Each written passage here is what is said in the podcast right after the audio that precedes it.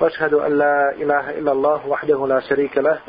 وأشهد أن محمدا عبده ورسوله. أرسله الله تعالى بالحق بشيرا ونذيرا لينذر من كان حيا ويحق القول على الكافرين. صلى الله تعالى عليه وعلى آله وصحبه وسلم تسليما كثيرا.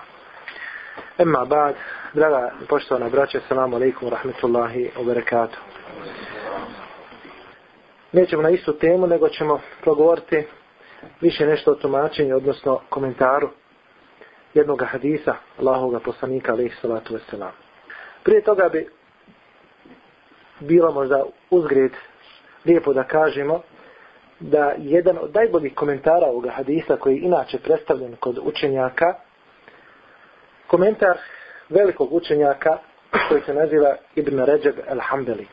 Ibn Ređeb al-Hambeli. U njegovoj biografiji stoji da je rođen 706. hijđarske godine i prema nekim drugim predajama 736. Kažu da se rodio u Bagdadu, koji je tada bio grad mira, spokoja, iluma.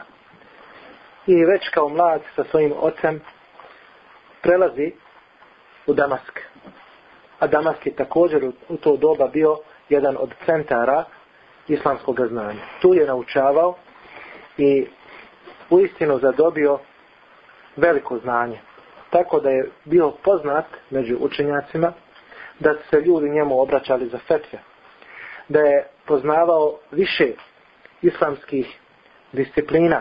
Napisao je knjige iz fikha, napisao knjige iz akide ispravnog islamskog vjerovanja, a također posebno je bio sposoban da tumači hadis poslanika sallallahu alaihi ve sellem i posebno je znao da izučava one manjkavosti koje su se nalazile kod nekih hadisa. Znao je da ih uoči. A, kažu učenjaci da su to mogli izučavati, poznavati tu tematiku manjkavosti nekih hadisa samo vrstni učenjaci u ovoj islamskoj naučnoj disciplini. Tako je Ibn Ređeb al-Hambeli stasao iza sebe ostavio mnoga dijela i jedno od najvećih njegovih dijela jeste Džamiul Ulumi wal Hikam. Zbirka znanja, odnosno nauka i mudrosti. Tu se navodi komentar 50 hadisa i do danas dan muslimani se okorištavaju učeći iz ove velike knjige. Znači, on je donio svojevrstan komentar ove knjige. Navodi se za ovoga učenjaka da se nije petljao mnogo u to doba u ilajet, odnosno nije imao mnogo dodira sa vlastima, niti je želio da ima bilo kakvu pomoć od vlasti. Htio je da bude samostalan. I to je možda bio jedan od razloga njegove iskrenosti. I to je bio od razloga što je to njegovo znanje do danas dan ostalo i do danas dan se ovaj veliki učenjak spominje. Sigurno da je u to doba bilo ljudi koji su gotovo isto znali. Međutim, znanje se iz generacije u generaciju buduća stoljeća prenosi e, samo ukoliko je ono bilo iskreno. Pogledajmo samo primjer Ibn Taymije, rahimahullahu ta'ala, neka mu se Allah smiluje. On je u svoje doba bio jedan učenjak između ostalih učenjaka. Imao je u istinu velika iskušenja.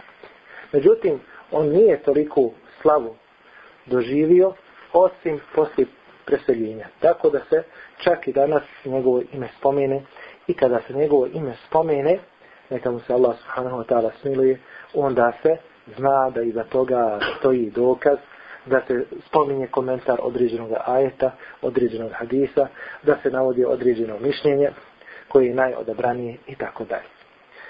Za Ibn Ređebe, alhamdulillah, što također prenosi da je bio jedan od učenika, ali u kratkom vremenskom periodu, u kratkoj vremenskoj distanci, Muhammeda ibn Abi Bekra. Ibn Abi Bekra. Pa bi ja sad pitao ko od vas može da se sjeti ko je to bio Muhammed ibn Abi Bekr. Muhammed ibn Abi Bekr jedan od poznatih učenjaka, mnoštvo danas njegovih knjiga ima na našem tržištu. Nije tabiin. To je Ibn Qaim al-Đavzija. Ibn Qaim al-Đavzija. Mnogi misle da je naziv riječ Ibn Qaim al-Đavzija pravo ime toga čovjeka, toga učenika, Ibn Taymije. Nije. Ibn Qaim al-Đavzija, kao što se navodi, znači sin održavatelja jedne medrese koja se zvala Dževzija. Medresa se zvala Dževzija. Pa je tako prozvan ibn Kajim al-Džavzija, sin održavatelja Dževzija. A njegovo pravo je, ime je Muhammed ibn Abi Bekr, neka mu se Allah subhanahu wa ta'ala spjeli. Još jedna anegdota je vezana za Ibn Režebe al-Hambelija. Kažu da je preselio 795. hijđarske godine. I pred kraj svoga života Allah subhanahu wa ta'ala mu je dao određeno nadahnuće pa je znao da mu se približava smrt. I kažu da je jednog od svojih učenika koji se nazivao Ibn Nasir Din, poveo sa sobom i naredio mu da mu iskopa kabur. Onda je Ibn Ređeb al-Hambeli legao u taj kabur, zatim iz njega izašao i rekao Hada džajit, kaže ovo odgovara. Nije prošlo nekoliko dana, a Ibn Rađu al-Hambeli je stavljen u taj isti kabur. Neka mu se Allah subhanahu wa ta'ala smili. Mi smo najem večeras odabrali da komentarišemo jedan hadis onako kako je naveo sam Ibn Ređed al-Hambeli izabirajući ga između ostalih hadisa. Hadis glasi Rihjarul Aula al-awla fima jahtesimu al-mala'u al-ala. Kaže pravi odabir onoga o čemu se raspravlja najuzvišenije društvo. Najuzvišenije društvo. Vidjet ćemo koji je to hadis. Naime, prenosi imam Ahmed, rahimahullahu ta'ala, od Muaza ibn Džebela, radijallahu anhu, da je Allahu poslanih, sallallahu alaihi wasallam jednoga jednog dana zakasnio na sabah. Nešto ga je zadržao. Pa kažu, mi smo čekali. I onda smo se međusobno zgledali. Već gotovo sunce da je izašlo. Već da se pojavio, kaže onaj sunčev rog, odnosno sunčev disk kada ono kaže, poslanik sallallahu alaihi wa sallam, izlazi i to žureći. I onda je ušao u namaz, donio tekbir, te zauze fi salatihi i onda je nešto kraće klanjao, znači nije dugo učio. Tadil erkan, znači izvršavanje svih onih ruknova namaza je bilo normalno, ali je nešto kraće učio, jer je poslanik sallallahu alaihi wa sallam običavao učiti duže na sabah namazu.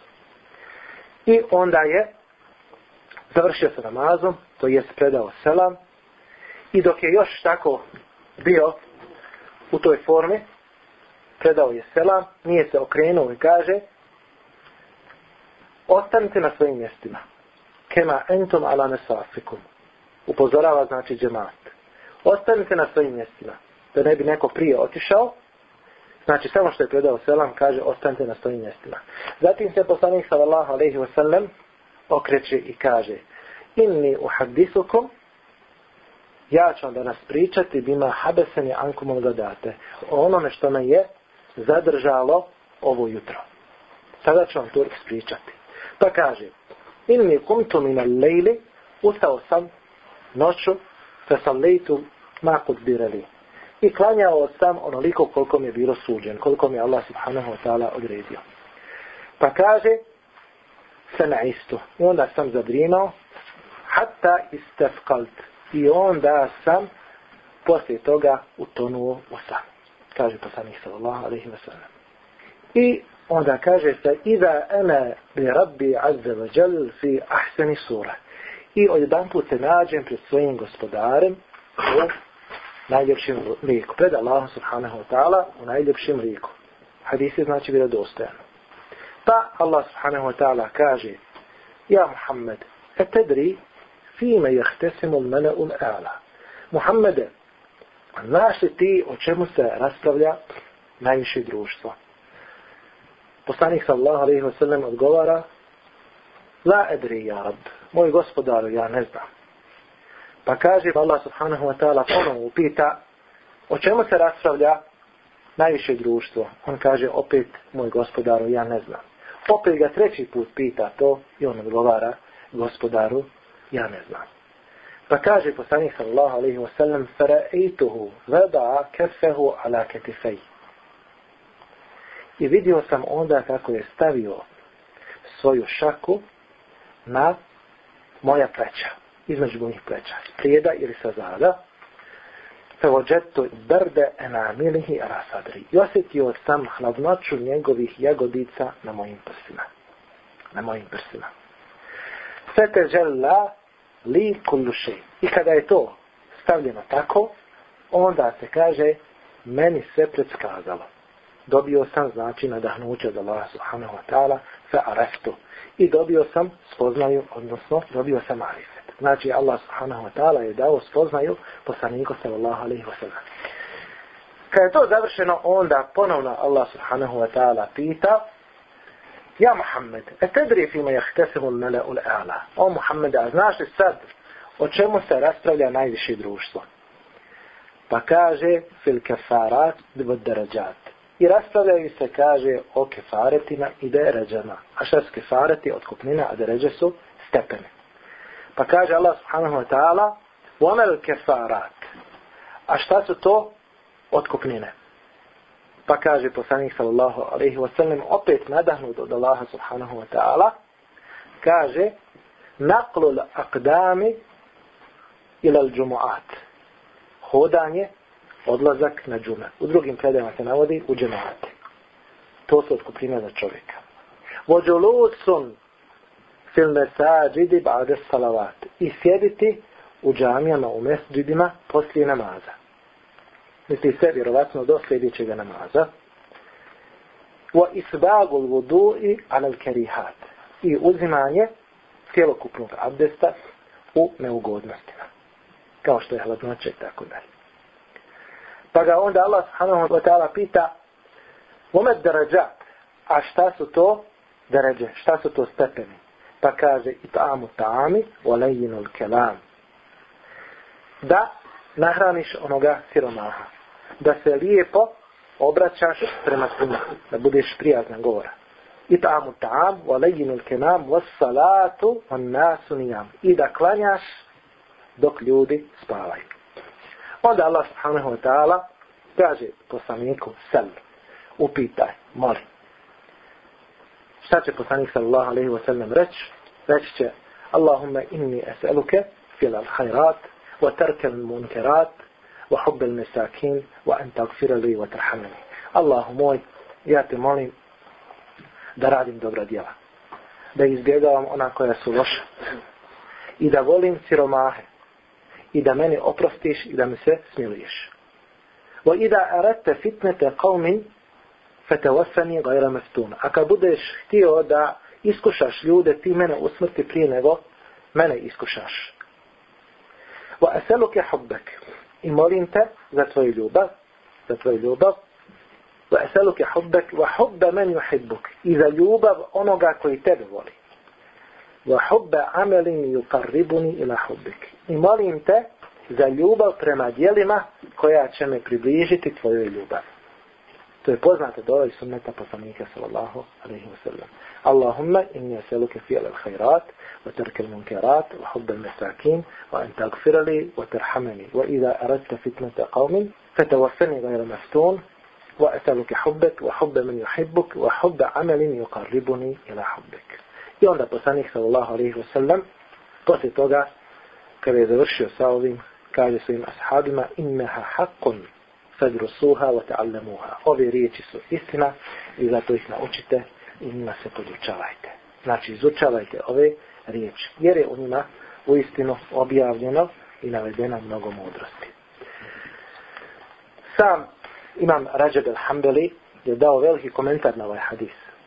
On iznosi preko 50 strana. Mi ćemo danas ili večeras nešto ukratko reći o osnovnim naznakama i značenjima koja se navode u ovom hadisu Allahovog poslanika sallallahu alaihi wa sallam. Prvo što se može uočiti iz hadisa da je poslanik sallallahu alaihi wa sallam okasnio gotovo klanjati sabah namaz. Gotovo da je okasnio klanjati sabah namaz. Pa su učenjaci rekli, onaj ko namjerno ili nenamjerno zakasni sa klanjanjem sabah namaza.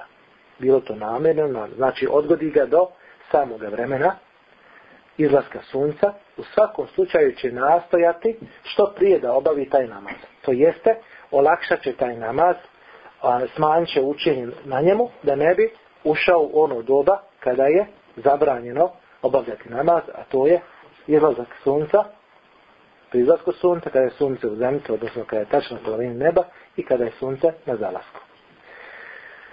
Zatim imamo predaju od Ebu Bekra radijallahu anhu, u kojoj se kaže da je Ebu Bekr jedno jutro klanjao pred ashabima sabah namaz poslije smrti poslanika sallallahu alaihi wa sallam i proučio cijelu suru Al-Bakara.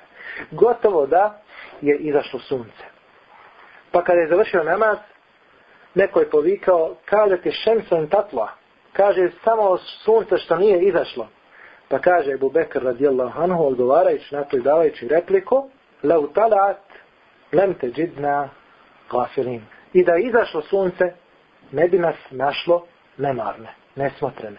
Na koji način? Tako što mi nismo, znači, zakasnili klanjati namaz, sabah namaz u njegovom vremenu, nego nismo imali namjeru da okasnimo ili da odužimo namaz, ali se to desilo. Učenjaci su rekli na osnovoga, ukoliko bi osoba učila toliko dugo i onda prešla ono doba kada je propisano, dok je propisano se obavi namaz, ne bi bilo za to smetnje, odnosno da osoba ono što nenamjerno učini, da joj se to oprašta. Jer mi znamo da je pero odignuto od trojka. Također imamo hadis poslanika sallahu alaihi wa koji također ovo podržava, u kome se kaže, ukoliko osoba namjerno ili nenamjerno zakasnije obaviti sabah namaz u njegovom pravom vremenu. Odnosno, uspije otklanjati samo jedan rekat, a ne uspije, znači u pravom vremenu, klanjati drugi rekat. Nastavit će i taj drugi rekat. Zato nema smetnje. Jer su hadisu poslanika sallallahu alaihi wa sallam kaže da onaj koji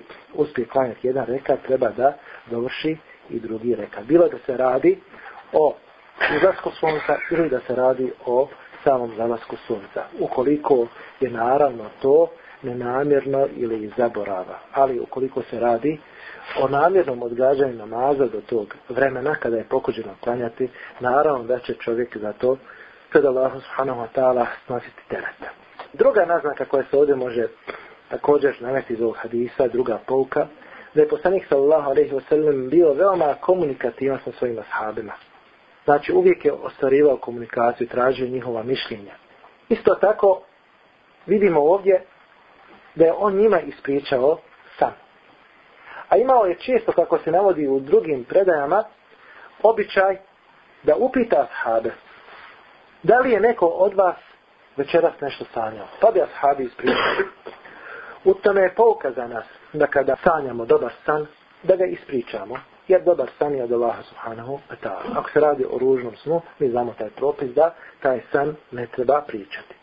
Ukoliko, znači, vidimo fin san, pohvalno da to ispričamo svojim bližnjima, onima u koji imamo povjerenje, jer to može biti radost za vjernike. Navodi se u jednoj predaj poslanika sallallahu alaihi wa sallam da je san 46. dio vjerovjesništva.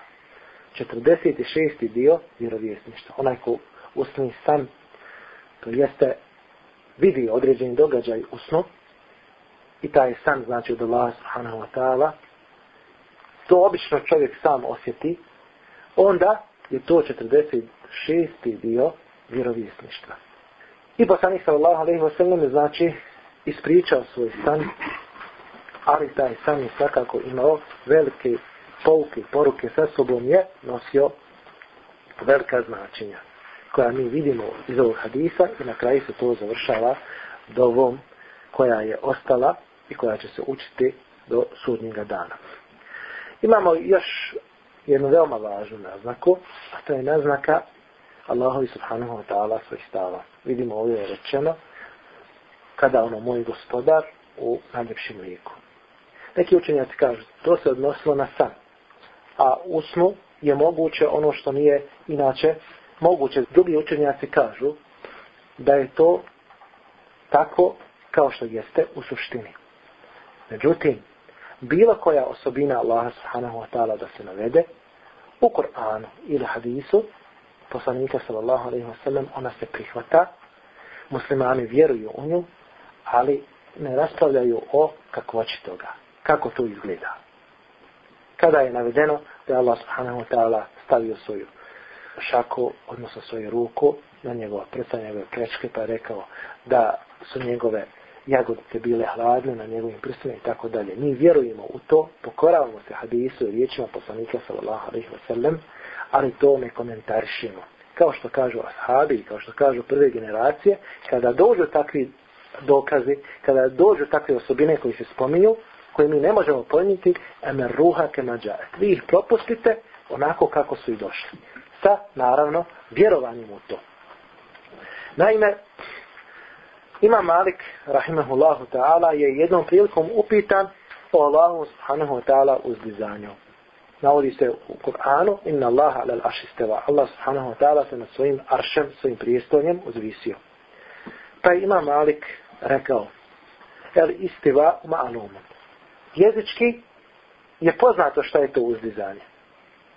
Sama kakvoća toga, kako je to, to je za nas nepoznato. Voć su alu anhu bidah. I onaj ko se raspituje o tim stvarima, on je novatar. Znači čini novotari. Nešto što je vezano za Allah subhanahu wa ta'ala, nama nije dato celokupno znanje o tome. Dati su nam nazivi. A imamo uvijek onu formulu, kuransku, koja govori o Allahu subhanahu wa ta'ala osobinama i koja se primjenjuje na sve osobine, bilo gdje da se spominju, a to je lejse ke misli šej un ovo samijul basir. Ništa njemu nije slično, Allah subhanahu wa ta'ala, a on je taj koji sve čuje i koji, koji sve vidi. Imamo još jednu naznaku koja se uzima također iz ovoga hadisa, poslanika sallallahu alaihi wa sallam, a to je da moramo nastojati da što više donosimo dovo Allahu subhanahu wa ta'ala. Jer poslanik sallahu alaihi wa sallam je iskoristio ovu priliku stajanja pred svojim gospodarom, Viđenja gospodara u svome snu, da to iskoristi za dovo. Pa je Allah subhanahu wa ta'ala rekao sel, upitaj pa je onda on proučio ovu dovu. Mi znamo da je dova srž ibadeta. I da se u nekim također predajama navodi, dua huva ibadet. Da je dova sama ibadet. Znači, dova je srž ibadeta. To je okosnica ibadeta. I sam namaz označava molitvu. Označava jednu vrstu također dove. I to nije samo usredno moljenje Allaha subhanahu wa ta'ala, nego podrazumijeva i određene fizičke pokrete. Pa je zato nazvat namaz, odnosno salat. Dok je dova umilno obraćanje Allahu subhanahu wa ta'ala dova ima svoje uslove, ima svoje šartove, ima zapreke, ukoliko dođe ti zapreka, onda dova neće biti uslišana. Kao što je navedeno za čovjeka koji je došao sa dalekoga puta, sav uprašen i raščupane koste, govoreći ja rab, ja rab. To se navodi u hadisu poslanika sallallahu alejhi. Gospodaru, gospodaru, pa onda kaže poslanik sallallahu alejhi wasallam kako će se takvom čovjeku osvišati? Kada je ono što jede haram, kada je njegova odjeća haram, kada je ono što pije haram i kada je odrastao na haram. Znači, da bi tvoja dova bila primjer kod Allah subhanahu wa ta'ala, moraju se ostvariti ovi uslovi koji su navedeni u hadisu. Također imamo vremena kada je lijepo da se obratimo Allah subhanahu wa ta'ala, to su vremena kada se traži od vjernika da uputi do Allah subhanahu wa ta'ala u tim vremenima se primaju dove. Kao što je zadnja trećina noći. Kao što su neke mubarek noći, ne sve koji se kod nas navode, nego pojedine blagoslovljene noći, kao što je Lejletul Qadr, kao što je prvih deset dana mjeseca Zulhidžeta i tako dalje. Molim Allah subhanahu wa ta'ala da uzmemo pouke i poruke iz ovoga.